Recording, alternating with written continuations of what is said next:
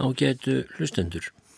Þar er þessi þáttur er fluttur í fyrsta sinn á páskadag. Þá óska ég ykkur gleðilegra páska hér með.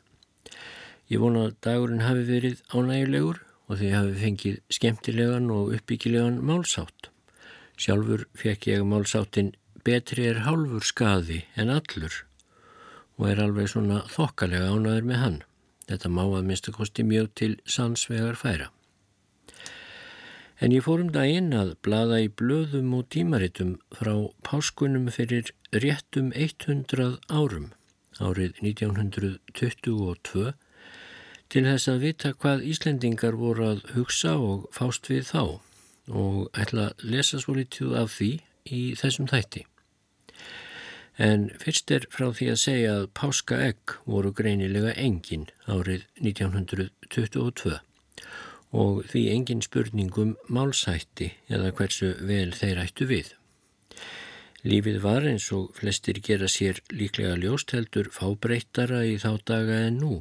Það er engar auglýsingar í blöðunum um páskaferðir eða miklar fermingarveislur þótt á einum stað megi sjá að komin séu matrósafödd til sölu í einni búð og megi brúka sem fermingarfödd fyrir unga drengi. Ímislegt er til skemmtunar. Nýja bíó er að sína sjónleik í fimm þáttum tekin á kveikmynd af Viktor Sjöström, Mestermann heitir það og aðalhlutverk leikur Viktor Sjöström sjálfur á samt Gretu Almurott og sexmanna orkester undir stjórn Þórarins Guðmundssonar spilar milli þátta í nýja bíói. En barnasýning klukkan 6 þá verða síndar ljómandi skemmtilegar myndir, segir í auglisingu í blöðum. Í gamla bíó er aftur móti verið að sína kveikmyndina Unboy Lane, sjónleik sögulegs eðlis í áttaþáttum frá dögum Hinriks áttunda brettakonungs og hefur leikur aðal leikendana vakið óumræðilega aðdán um allan heim. Barnasýning er líka klukkan 6 í gamla bíó og síndar afskaplega skemmtilegar gamanmyndir. Og það er tjálta því sem til er í hjá leikfélagi Reykjavíkur í Yðnó þar verða Kinnarkóls sýstur leiknar annan páskadag klukkan 8 en Ólimpíu nefnd Knaspirnumanna er líka á ferðinni með leikrit og leikur Skuggasvein í 2005. og allra síðasta sinn réttum páskana og hljóðfæraflokkur Dr. Þórarins Guðmundssonar leikur þar líka allt kvöldið millir þátt. Þetta er síðasta tækifærið til að sjá skuggasvein er brynt fyrir fólki í auðlýsingum. Málverkasýningar eru tvær. Áskrimur Jónsson sínir í húsi Egils Jakobsens og hefur svo síning bersýnilega talist til tíðinda en Einar Jónsson sínir í húsi KFM daglega frá 10 til 5.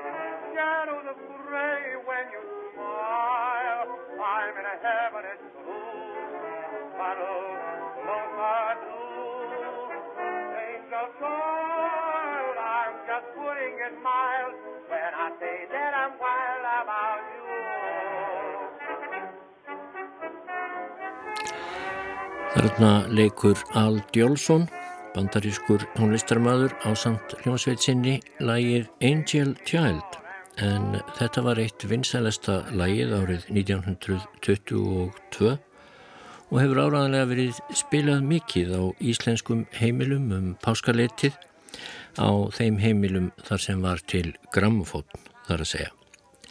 En það var fleira hægt að gera sér til skemmtunar um páskana en hlusta á Ald Jólsson eða fara í messur. Fyrirlestrar voru þá vinsæl dægradvöl á Íslandi. Þetta var fyrir tíma útvarpsins og því flyktist fólk á samkommustadi og hlustaði á hérna vísustu menn flytja erindi. Og um páskaleiti 1922 var ímislegt í bóði. Enski trúbóðinn og smáskamta læknirinn Arthur Gúk sem reyndar var eða vildi verða frumkvöðull í útvarpsregstri á Íslandi, hann flutti tvo fyrirlestra. Annar þeirra fjallaði með myndum að sagtir í um uh, æfi Martins Lúthers en hinn fjallaði um andatrúna. Það sem allir þurfað vita um andatrúna hétt fyrirlesturinn, hann var fluttur í bárunni og aðgangseirir var ein króna. Í nýja bíói stóð stúdentafélagið fyrir röð fyrir lestra undir eh, samheitinu Alþýðu fræðsla og tveir slíkir fyrirlestrar voru haldnir um páskana. Annars vegar talaði Sigurður Nordal á skýrdag klukkan þrjú í nýja bíói um völusbá en á annan í páskum Þá tók Guðmundur Fimboðason við og uh, talaði klukkan tvö um mannkín bætur. Það er tekið fram í bæðiskiptin að uh, eh, eingangserir hjá þeim Sigurði Nordal og Guðmundi Fimboðasinni sé 50 öyrar. Það er sem sagt helmingi ódýrara að hlýða á þá heldur en uh, Arthur Gúk. En jáfnframt er tekið fram að fólk þurfi að framvísa mátulegum peningum. Það er að segja að því er vendanlega að það verður ekki gefið tilbaka. En fyrirlestur Guðmundar Fimboðssonar um mannkynbætur var merkilegur og eftir á að higgja dálitið sorglegur. Guðmundur Fimboðsson var þá einn virtasti og merkasti mentamaður á Íslandi en fræðin sem hann flutti á þessum fyrirlestri að minnstakosti virðast eftir á að higgja vera heldur vafasum. Ég ætla að glukka í þennan fyrirlestur Guðmundar. Hann segir Á síðustu áratugum hefur víða um svo sem í Englandi, Bandaríkjunum, í Ameríku, í Þískalandi, Östuríki, Ungverlandi, Sviss, Fraklandi, Ítalíu, Belgíu, Hollandi, Svíði og Danmörku og Noregi komist á reyfing eða félagskapur er miður á því að gera það sem hægt er til að bæta mannkynnið eða þó að minnstakosti að hamla kynspellum.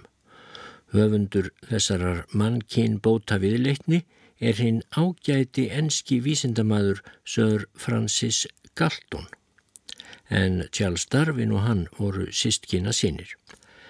Nokkur svart síni kom fram í sömum amerísku, frönsku og ensku erindunum. Orsakirnar til líkamlegrar, andlegrar og siðferðilegrar nignunar þjóðanna eru taldar sínar af hverjum. Sjúkleg breyting ættfrimisins, fjölgun bastarða sem yfirleitt er talin óheppileg, íll launakjör embættismanna en þau uppræta gáfumennina, vöndun á uppeldi til móðurstöðunar, vaksandi blöndun fjarskildra kynstofna, nútíðar mannúðin og nýju stríðin, viljandi takmörkun barnafjöldans meðal kyn bestu mannana og fálm í meðferð mannstofnsins og loks áhrif sérstakra ættar eitra svo sem áfengis og sárasótar. Hér á landi hefur þessari mannkynbóta reyfingu verið lítill göymur gefin og skal ég nú reyna að skýra frá því í stuttumáli hvað fyrir frömuðum hennar og ekkir og hvað við er Íslendingar mættum af þeim læra. Vartmun þurfað eða orðum að því að fátækustu stjettirnar í stórborgunum Erlendis eru til jafnaðar vergefnar frá náttúrunar hendi en hinnar betursettu stjettir og ætternið verra.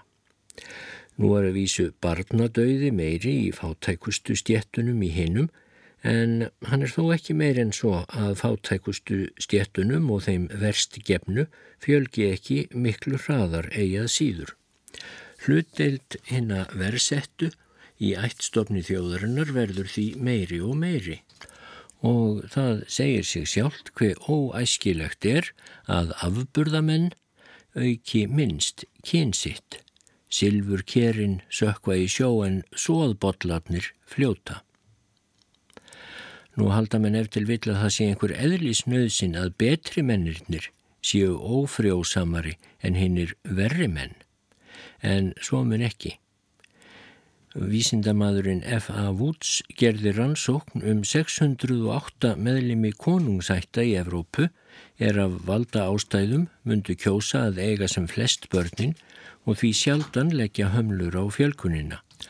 Hann skipti konungsættunum í tíu flokka eftir andlegri og líkamlegri atgerfi frá legstu til hæstu og niðurstaðan varð að barnafjöldin ógs nokkur nvegin jamt með atgerfinni. Aðrir hafa sínt að langlífi og frjósemi fylgist mjög að. Að betri mennirnir, eigi nú færri börn en hinnir verri, mun því að jafnaði koma að því að þeir giftast setna og takmarka barnafjöldan oft vísvitandi og þar stefnir mjög í öfuga átt því með því spillist kynstofnin. Áður starfaði náttúran sjálf að mann kynbótum. Það dó sem duglausast var aðeins hýð lífvænlegasta livði og lengi reistu mennirni lítið rönd við þessu náttúrvali eða þeir beittu sömu hörðu aðferðinni, þeir báru út vanburða og gölluð börn, drápu glæpamenn, geltu gungumenn, vanhyrtu vitfyrringa og fábjána, svo þessi olboga börn náttúrunar jöku lítið kynsitt. En núna halda mannúð og læknislist og uppeldistofnanir öllu þessu við eftir mætti. Glæpamenn, geðveikirmenn, fábjánar og hverskins vandræðamenn ávakstast eins og önd í mó og verða þingri og þingri byrði fyrir þjóðfélagið. Á fundi mannkinnbótamanna í New York kom meðal annars fram að tala geðveikra undir læknishendi í bandaríkunum hefur stíið frá 118 árið 1890 til 200 árið 1920 til jafnaðar á hverja 100.000 landsmenn. Efnalegt tjón þjóðarinnar af geðveiki og geðsjúklingum er meira en 200 miljónir dollara á ári. Í enskri skýrslu sem löð var fram á fundinum segir að niðurstaða af henni kynspillandi stjórnmálastefnu þar að segja að halda öllum til lífs, það er fjölgun þeirra sem frá fæðingu eru dæmdir til þjáningalífs. Skíslan hveður svo að orði, gallar fólks eru að mestuleiti arfgengir, þeir eru afleiðing af samförum óhæfra kynstofna. Þegar svo kyn bestu þjóðurinnar senda mannvannlegustu sónu sína á vývöllin til slátrunar og veiklunar en heimasítja og erfa ríkið þeir sem verst eru gefnir eins og í síðustu styrjöld sem sagt hefur verið um að hún hafi valdið meiri hnignun í kyn kostum mannana en nokkurt annað álíka langt tímabil mannkinsögunar þá er ekki að förða þótt þjóðurinnar vaksiloks upp við vondan draum. Hver eru þá bjargráðin til mannkinbóta? Þau eru í stuttumáli tvenn. Það stuðlaði því sem verst eru ættaðir, þeir eigi sem fæst börn og að þeir sem best eru ættaðir eigi sem flest börn. Um hið fyrra atriðið þá beinist viðleitnin sérstaklega að andlega vanþróskamannum, fábjánum og sömum flokkum geðveikramanna og glæpamanna þar sem gallarnir og glæpirnir eru ættgengir. Sagt er að ef tveir fábjánar hega afkvæmi saman þá verður þau nálega ætíð fábjánar líka. Rannsókn sínir að fjöldi af vandræðamönnum þjóðfélagsins, svo sem glæpamönnum, skækjum og flökkurum, er meir og minna andlega vanþroska af ættgengum orsökum. Til dæmis er áætlað að eitt þriðji til tveir þriðji af skækjum í bandaríkunum heyri þeim flokki til. Það eru andlega vanþroska konur af arfgengum orsökum. Því fleiri af slíkum mannum með arfgenga eðliskalla sem haldið er frá því að auka kyn sitt, þeim mun meira batnar kynstofnin. Það má verða með því að þjóðfélagið hafi þetta fólk allt á sérstökum stopnunum þar sem það fær störf við sitt hæfi og er látið líða svo vel sem eðli þess leifir en geta þó ekki aukið kynsitt. Eða þá í sérstökum tilfellum með því að gera slíka menn ófrjóa, helst með leifi þeirra sjálfra ef þeir fá að ganga lausir.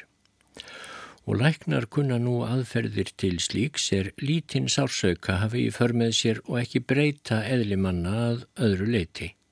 Allmörg af bandaríkjunum hafa nú þegar lögleitt ófrjófgun. Þanga til í janúar 1921 hafa samtals 3233 menn verið ófrjófguð til að varna kynspellum, flest eru glæpamenn. Það sætir mísjöfnum dómum. Um heið síðaratrið þá má margt gera til að styðja því að hinnir betri menn þjóðfélagsins auki meira kynsitt en nú. Fyrst og fremst breyta hugsanarhættinum. Innrætað að frá blöytu barsbeini að er skilda þeirra sem eru af gáfaðri og heilbriðri ætt að láta hana aukast og markfaldast svo að björtustu blísi lífsins falli ekki niður og slokni án þess að skila sínum helga eldi til komandi kynnslóða. Það má brína það fyrir körlum og konum hver mikilvægt að er að velja vel sinn maka, að menn giftast ekki engungu einstaklingi heldur og ætt hans og að afkomendur erfa jamt úr báðum ættum þó mest sé komið undir þeim ættliðunum sem næstir eru og allt sem miður að því að mennirni séu metnir að verðleikum eftir eðli sínu aðtöfnum fremur en falsgillingum miðar til mannkinn bóta því að álitið ræður miklu um makavalið. Mikið er undir því komið að efnilegt ungt fólk nái að kynnast því sá getur betur valið sem áum margt að velja. Að öllu þessu má vinna af frjálsum vilja. En lögjöf og stjórn þjóðfélagsins getur og gert margt til mannkinnbóta, beinlínis og óbeinlínis, en gerir hins vegar núna margt til kyn spella með fávisku sinni. Það miðar til dæmis til kyn spella ef kjör þeirra manna er aðalega leggja stund á andlega vinnu eru svo íll að þeir verða að giftast seint og þá að takmarka barnafjöldan fyrir fátæktarsakir. Það myndi miða til mikill að kyn spella ef allir ónýtjungar þjóðfélagsins fengu sama kaup og afreiksmenn og ætti því jafn auðvelt með að framfleita fjölskyldu sinni. Það miðar til kynspella ef inn í landið okkar flist alls konar rustlara líður, verð ættaður en þeir sem fyrir eru. Við þetta eiga til dæmis bandaríkjumenn að etja. En hér er ekki ráðrúm til að líta á ymsar greinir lögjafar og þjóðfélagsskipulags og er hafa áhrif á það til góðs og íls hvernig kynstofnin breytist. Aðalatriði er að þeir sem mestur áða um lögjöf og skipulag þjóðfélagsins læri að meta hvert laga ákvæði og skipulagsatriði eftir því hvort að stiður að kyn bótum eða kyn spellum og hægi sér þar eftir. Því að ef ættar eðlið spillist þá eitrast þar með og gruggast sjálf uppspretta mannkostana er allar framfarir mannfélagsins streyma frá og allar ráðstafanir til að bæta uppeldið og í stuttumáli hinn ytri kjörin koma að því minnahaldi sem hið meðfætta eðli kynnslóðarinnar er lakara vegna kynspella. En hvað kemur þetta mál oss Íslendingum við? Við stöndum ef til vill í þessu efni betur að við en flestar aðrar þjóðir vart verður því neitað að hinn upphaflegi kynstofn okkar Íslendinga er ofinju góður. Og hann hefur síðan lítið blandast útlendu blóði og í reyti mínu land og þjóð hef ég reynd að draga nokkrar líkur að því að þjóðvor muni vera fremur kyn bætt af þúsund þrautum heldur en úrkynjuð af samskiptum við útlendinga. Verði svo niðurstaðan við nánari rannsókn þá er það dýrmætt noss. Er leggur oss þá skildu á herðar að vaka yfir því að þeir ættar kostir sem íslenska þjóðin kann að vera gett spillist ekki og þar til heyrir fyrst og fremst að varna því með öllum ráðum að hingað flytjist útlendur tramtaralýður og blandi blóði við íslensku þjóðina. Í því efni megum við ekki láta glepjast af neinum gillingum mammons presta er líta á stundarhægin en fórna framtíðinni. En vörnum út á við verður að fylgja vakandi gátt á því að kynstofnin spillist heldur ekki hið innra. Því að þótt Íslendingar megi yfirleitt teljast ættum góðir, þá eru þeir sem aðrir menn misvel gefnir og ekki eru allar ættir jafn góðar. Þess vegna er oss eigi síður en öðrum þjóðum nöðsin að skipulag þjóðfélagsins verði ekki á þá lönd að þeir sem best séu að sér gjörfir fá ekki að njóta sín og sérstaklega þeim sem getur eru meiri gáfum en fólk flest til sérstakra starfa, svo sem vísinda á lista, verði eigi svo illa líft í landinu að þeir annað hvort verði að lifa einlífi til að fleita sér fram eða fleitja burt til annara landa. Svo þjóð sem ekki hefur efni á því að eiga fræga síni hefur ekki efni á að lifa. En þeir sem ekki vilja örvænta um framtíð þjóðarvorrar verða að gera sér í hugarlund að menn láti sér skiljast að þjóð hefur engan tilveru rétt nema hún ali æðri hugssjónur en þá að lifa engöngu fyrir munn og maga. Svo þjóð eina á skilið að lifa og mun lifa er hefur þann metnað að koma til þroska og ávakstar hverju því sem best er í eðli hennar og bera fram á leið þau blísinn er lýsa lengra en asklokið nær. Ég hef stiklað hér á stóru í fyrirlestri Guðmundar Fembóðasonar um mannkinnbætur og það er kannski rétt að ítrekka að Guðmundur var einn virtasti og dáðasti mentamaður þjóðarsinnar um þetta leiti.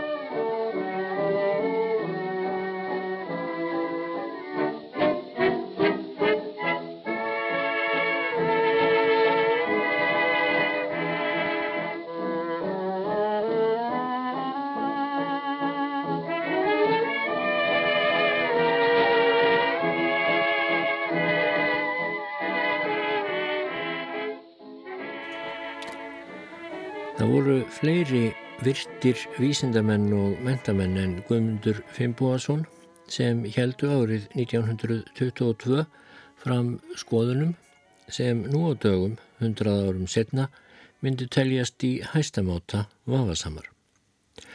Um þetta samanleiti byrti tímarittið skýritnir, eitt helsta og virtasta tímaritt Íslands, bæði þá sem nú, Það byrti grein eftir Stefán Jónsson, lækni. Hann var uh, engin smákall í læknastjett, til dæmis reittstjóri læknablaðsins, en í þessari grein í skýrni sem fólk hefur getað lesið sér til hugarhæðar og upplýsingar, eða hvað, í kringum páskana 1922, þar fjallar hann um kynrannsóknir. Og uh, réttar sagt á fjallar hann um það sem eh, við kallum nú samkinn neyð. Ég ætla að glukka í þessa eh, grein uh, Stefáns. Þegar við fæðinguna, skrifar hann, dæmir ljósmóðurinn oss til þess að vera karl eða kona alla æfi og til allrar hamingju dæmir hún oftast rétt. Það sem hún fer eftir eru ytri kynfæri en uh, kynið er bundið við getnaðar kirtlana og engöngu við þá. Hins vegar geta ytri kynfæri verið svo vansköpuð að erfitt er að segja fyrir hvort barnið er karl eða kona og getur þá kyn ákvörðunum auðveldlega verið raung. Til dæmis getur manneskja sem dæmdi er til að vera kona í rauninni verið karl. Er þessu fólki ídla farið? Það finnur að það er ekki eins og fólk er flest, kendir þess eru aðrar, en sérstaklega er þó ástalífið óeðlilegt og öðru fólki viðbjóður. Þessar manneskjur elska aðeins sitt eigið kyn, þær eru það sem kallað er kynvillingar en kynvillan getur og sínt sig í óeðlilegu ástalífi engöngu án þess að nokkur líkamlegur vanskapnaður fylgi. Og til eru og þeir einstaklingar sem fella hug jamt til karla sem kvenna til skiptis. Kynvillan hefur alla jafna verið heilbrigðu fólki andstigð og talinn glæpsamleg. Nýri tíma rannsóknir hafa þó leikt ímislegt í ljós sem ætti að geta breytt skoðun manna á henni. Þar má nefna rannsóknir vísindamannsins Steinaks sem fengist hefur við rannsóknir á þessu sviði. Skal nú lauslega skýrt frá rannsóknum hans og skoðun. Hugsun Steinaks er þessi Ef það er nú rétt að getnaðar kirtlarnir, eða réttar sagt kynkirtlarnir, ráði ytri kynenkennum, er þá ekki hægt að umhverfa kyninu, gera til dæmis karldýr úr kvendýri með því að skipta um kirtlana í þeim, setja eista í kvendýr og ekkjakerfi í karldýr. Þetta gerði svo Steinak á þann hátt að hann fyrst gelti karldýr rottu í þessu tilfelli og grætti í það eggjakerfi úr kvendýri. Við þetta gjör breyttist karldýrið og fór að líkjast kvendýrinu að ýmsu leiti, til dæmis fór að vaksa júur á það. Samskonar tilraun hefnaðist og á kvendýri. En er það ekki und að búa til kynvillinga eða viðrinni eftir vildsinni með því að græða í sama dýrið bæði eista og ekkjakerfi? Jú, Það hefur Steinak gjört. Af því að örðugt er að græða eista í kvendýr og ekki að kerfi í karldýr varð fyrst að gelda dýrin. Teknir voru og ungar sem ekki voru þroskaðir til að fá betur fram bæði karl og kvennenkenni. Ungarnir, bæði karl og kvendir, voru því geldir, það er getnaðar kirtlarnir voru teknir burt og svo grætti hvert dýr bæði eista og ekki kerfi. Bráð þá svo við að dýrin urðu viðrinni. Líkamleg kynenginni þeirra urðu sambland karl og kvendýrsengjana. Sama var ógum fýstnir dýrana. Þau höfðu jafnmiklar mætur á hvort heldur var karl eða kvendýr, þeim var það öldungis sama. Sumuleiðis má breyta kyni eftir vild með því að flytja andstæðan kirtil í karl og kvendýr og í þriðja lagi má búa til viðrinni með því að græða í sama dýr bæði karl og kvenkirtil.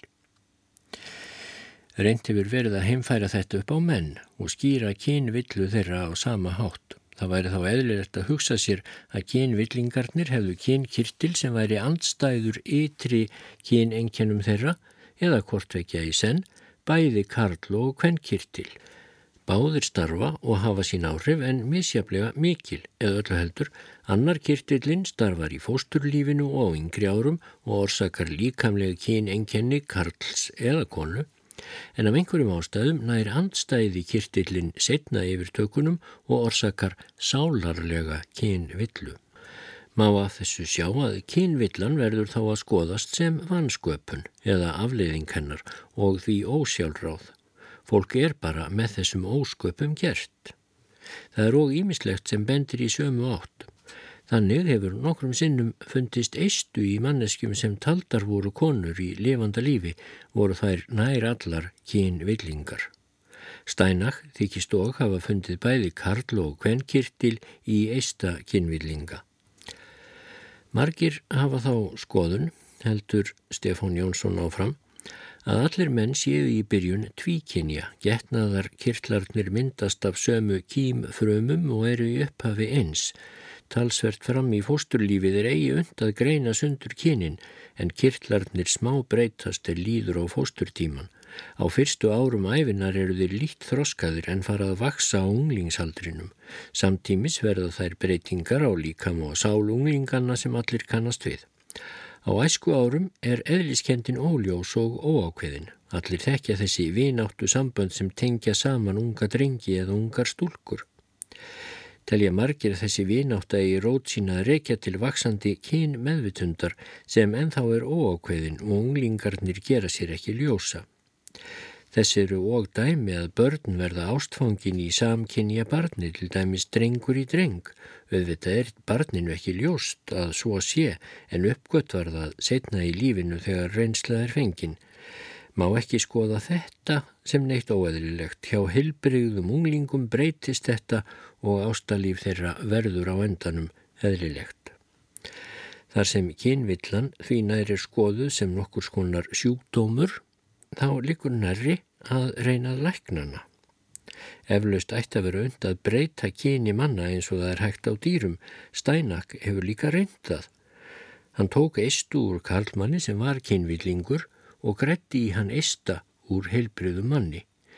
Bráð þá svo við að maðurinn gifti sig rétt á eftir. Gerðarmunu hafi verið tilraunir í þessa átt einnig á hvern munum þótt enþá heyrist lítið um það talað en það væri stórmerkilegt mál ef þetta reyndist rétt. Væri það læknisfræðinni stór sigur ef hún geti hjálpað kynvillingum og læknað á. Svo marg voru þau orð Stefáns Jónssonar í blæðinu Skýrni. Stefán var, eins og ég sagði á þann, einn af öðriðstjórum læknablaðsins og í læknablaðinu var líka skýrt frá merkilegum umræðum á læknaþingi sem framhauðu farið um þetta sama leiti. Geðveikra læknirinn Þóruður Svensson, sem var yfir læknir á kleppi um þær myndir, hann flutti þá erindi um geðveiki og talaði hann fyrst um kvellisíki á geðveiku fólki. Aldrei hvaðst Þóruður að sögn læknarblaðsins hafa séð sjúklinga á kleppi fá ímsar algengar sóttir og undantekningar væri það ef sjúklingar á geðveikra hælinu fengju farsóttir eins og bronkítis og fleira. Nokkurum sjúklingum sem komið hefðu berkla veikir á kleppspítala og það mikið veikir hefði batnað berglaveikin ótrúlega fljótt eftir að þeir urðu geðveikir, en ef geðveikin batnaði þá mögnuðust berglarnir aftur. Þá væri dauðastríð geðveikra manna áberandi lítið. Egi aðeins væri sjálf dauðastöndin geðveiku fólki auðveld, heldur væri og allur aðdragandin að dauðastöndinni svo fljótur og auðveldur og sagði þórður frá ýmsum dæmum þess. Öðru máli væri stundum að gegna ef geðsjúklingar yrðu andlega friskir rétt fyrir andlátið. Áleit hann að þessir sjúklingar dæju oft úr þarmatröflunum og fyrirlesarin áleit því að kvelli sjúkdómar alls konar stæðu í nánu sambandi við sálarlífið, vitundarlífið og undir meðvitundina. Og Þórður myndist því næst á meðferð geðveikinnar á tildrög vasslækninga sinna og líkurnar fyrir því að bati geðsjúklinga væri vasslækningum sínum að þakka fannst honum það besta sönnunin á því hver lækningin tæki stuttan og ákveðin tíma borið saman við gangbatans á annan hátt. Og hér skýti ég fyrir að að Þóruður Sveinsson var frægur og í setjum tíð kannski allrændur fyrir vasslækningar þær sem hann stundið á kleppi. Hann taldi að lækna mætti flesta geðsjúkdóma með því að láta fólk stunda næjanlega köld böð en á setjum tímum hefur uh, svo aðferð ekki, vægast sagt, þótt skila miklum árangri. En Þorður helt áfram í fyrirlestri sínum sem læknablaðið skýrir frá. Tvent væri það í sálarlífi hinn að geðveiku er mest bæri á og væri það hýð óeðlilega mikla ímyndunröfl og þó lítill viljakraftur. Allt sálarlífið væri á henni mestu ringul reið. Sjálfsblekkingar væru svo miklar að þær bæru viljan gjörsamlega ofurliði. Engar fortölur getu hindraðað og það væri því einaráðið að forðast allt það í meðferð og umgengni er ekki á blekkingarleikin og taka af geðsjúklingum ráðin til að vekja viljan en einfaldast og saklausast aðferðin til þess fyndist sér vera vasslækning og fasta. Það var ekki allt í þá daga fyrir hundrað árum eins og við teljum nú gott og æskilegt. Framan á læknablaðinu sem ég var að lesa upp úr, það er til dæmis auglýsing frá versluninni Landstjörnu sem auglýsir stærsta og fjölbreyttasta sérverslun landsins í tópaks- og salgætisvörum og er mér til efs að læknablaðið nútildags auglýsi mikið salgæti og tópak. En eh, úr því ég er komin með læknablaðið árið 1922 í hendur þá get ég ekki setið á mér að lesa stuttafrásögn sem ber fyrirsögnuna Harðaneskju konur og er eftir Skúlafaf Guðjónsson sem þá er lækna nemi. Hann skrifar Ég var aðstóðarmadur fyrir héraðslækni nokkra hríð. Eitt sinn sem oftar kom maður að sækja mig hvað hann gamla konu á næsta bæ við sig hafa dottið á stein og líklega lærbrotnað bjó ég mig hið skjótasta og lagði af stað. Eftir hérum byl þryggjastunda harðareið komum við á bæin. Var þar reysulega byggður bær. Baðstofan var björnt og rúmgóð. Hátt var upp í súðina og strompur stóð upp úr mæni. Rúmin stóðu út við vekkina. Brekkán lágu breytt yfir. Konur sátu við tóskap en karlar tveir unnu úr rossári. Annar þeirra fléttaði reiptakl. Bafði hann því um bytta, jafnóðum og lengtist. Hann tók bakföll þegar hann herti að þáttunum og dró ekki af sér þegar ég horfi á hann. Hlýtt var í baðstofunni, oljulampi með stórum skermi brann í miðri stofunni. Í einu horninu lág gamla konan í rúmi sínu. Hún var um nýrætt og gerði þó öll fjósaverkin og það sást á höndunum, roknum og bandniklunum við rúmið hennar að ekki hafði hún setið þar auðum höndum. Eins og vant var hafði gamla konan borið heimeisana frá heigarðinum til fjósins en skrikað þá fótur og fjall á steinstjett við fjóstyrnar. Hún hvaðst hafa hyrt bresta í lærinu við fallið og hvaðst hafa fundið nokkuð mikið til. Hjálpar laust stöulaðist hún þó til baðstofu, allanga leið og til kvílu sinnar. Þegar ég kom hafði hún leið þar hálfan dag og látið á litlu bera. Við skoðun fann ég að lærleggur hennar, sá hægri, var rokkin í sundur og ská skamt ofan við hnje og gengur brot endar á misvíksl. Tegði ég nú úr fætinum, lagaði brotið eins vel og auðið var og batt öll og spelkur við. Ekki vildi gamla konan láta svæfa sig við þetta. Hún brá sér hvergi meðan þessu fór fram mun hún þó hafa fundið mikið til. Fólkið spurði mig hvort henni myndi batna aftur svo hún kæmist á fætur og geti farið aftur að vinna. Kerling varð fyrir til svars. Hvaðst hún ekki vera hrættum að ekki kæmist hún á fætur. Þó hún þurfti að liggja nokkuð lengi kannski, gerði það ekkert til, bara ef einhver geti gert fjósaverkin hennar nógu vel á meðan. Ég spurði hana um heilsufar hennar.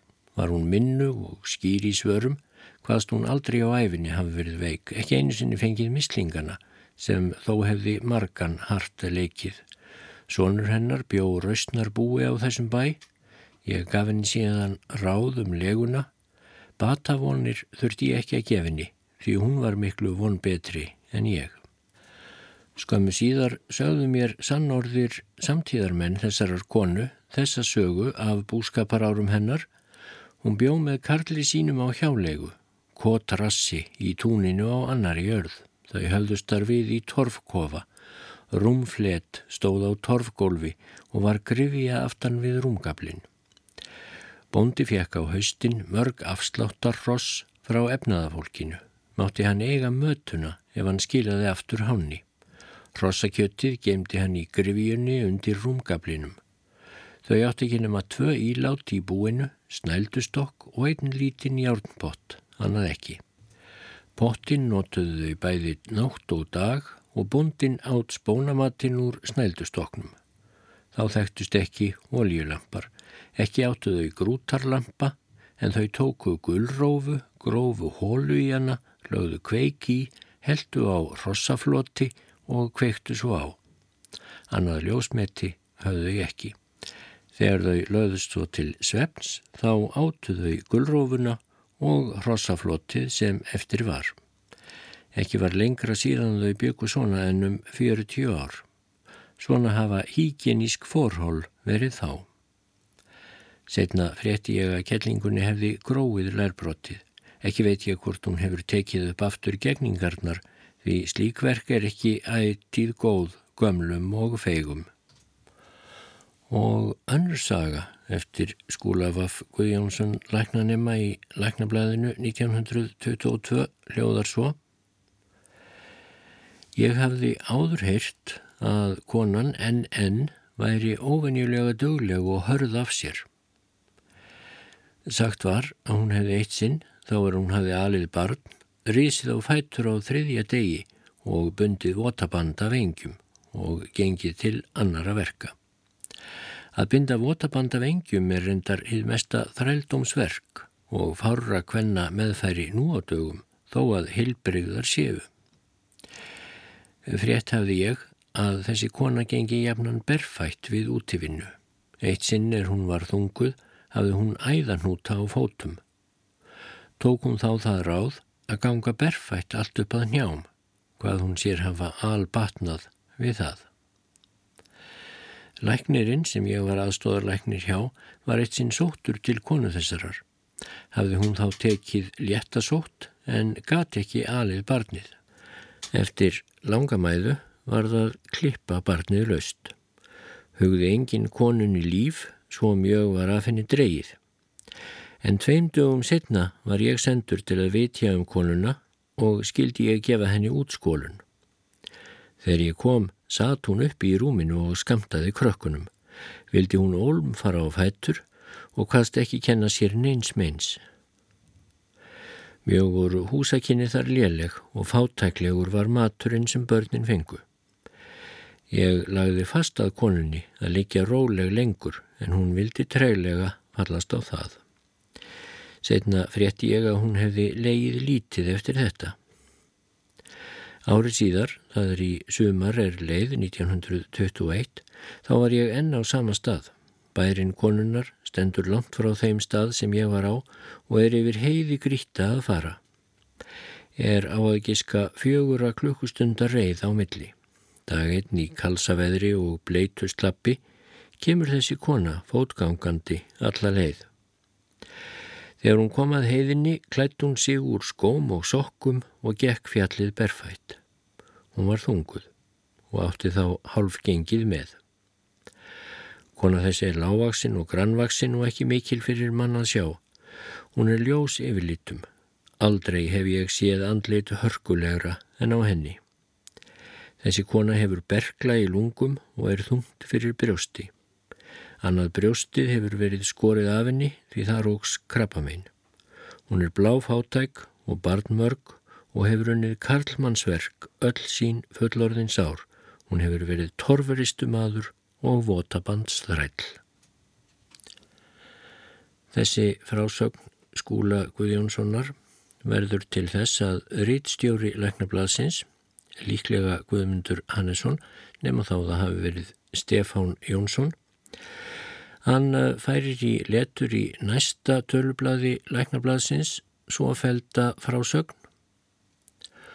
Út af hinnum hugþekka lestri um harðaneskju konur þá datt mér í hug að færa í letur sögukorn sem ég nýlega komst yfir. Ég satt yfir konu og rappaði við yfirsetu konuna yfir kaffibotla meðan sóttin var lín.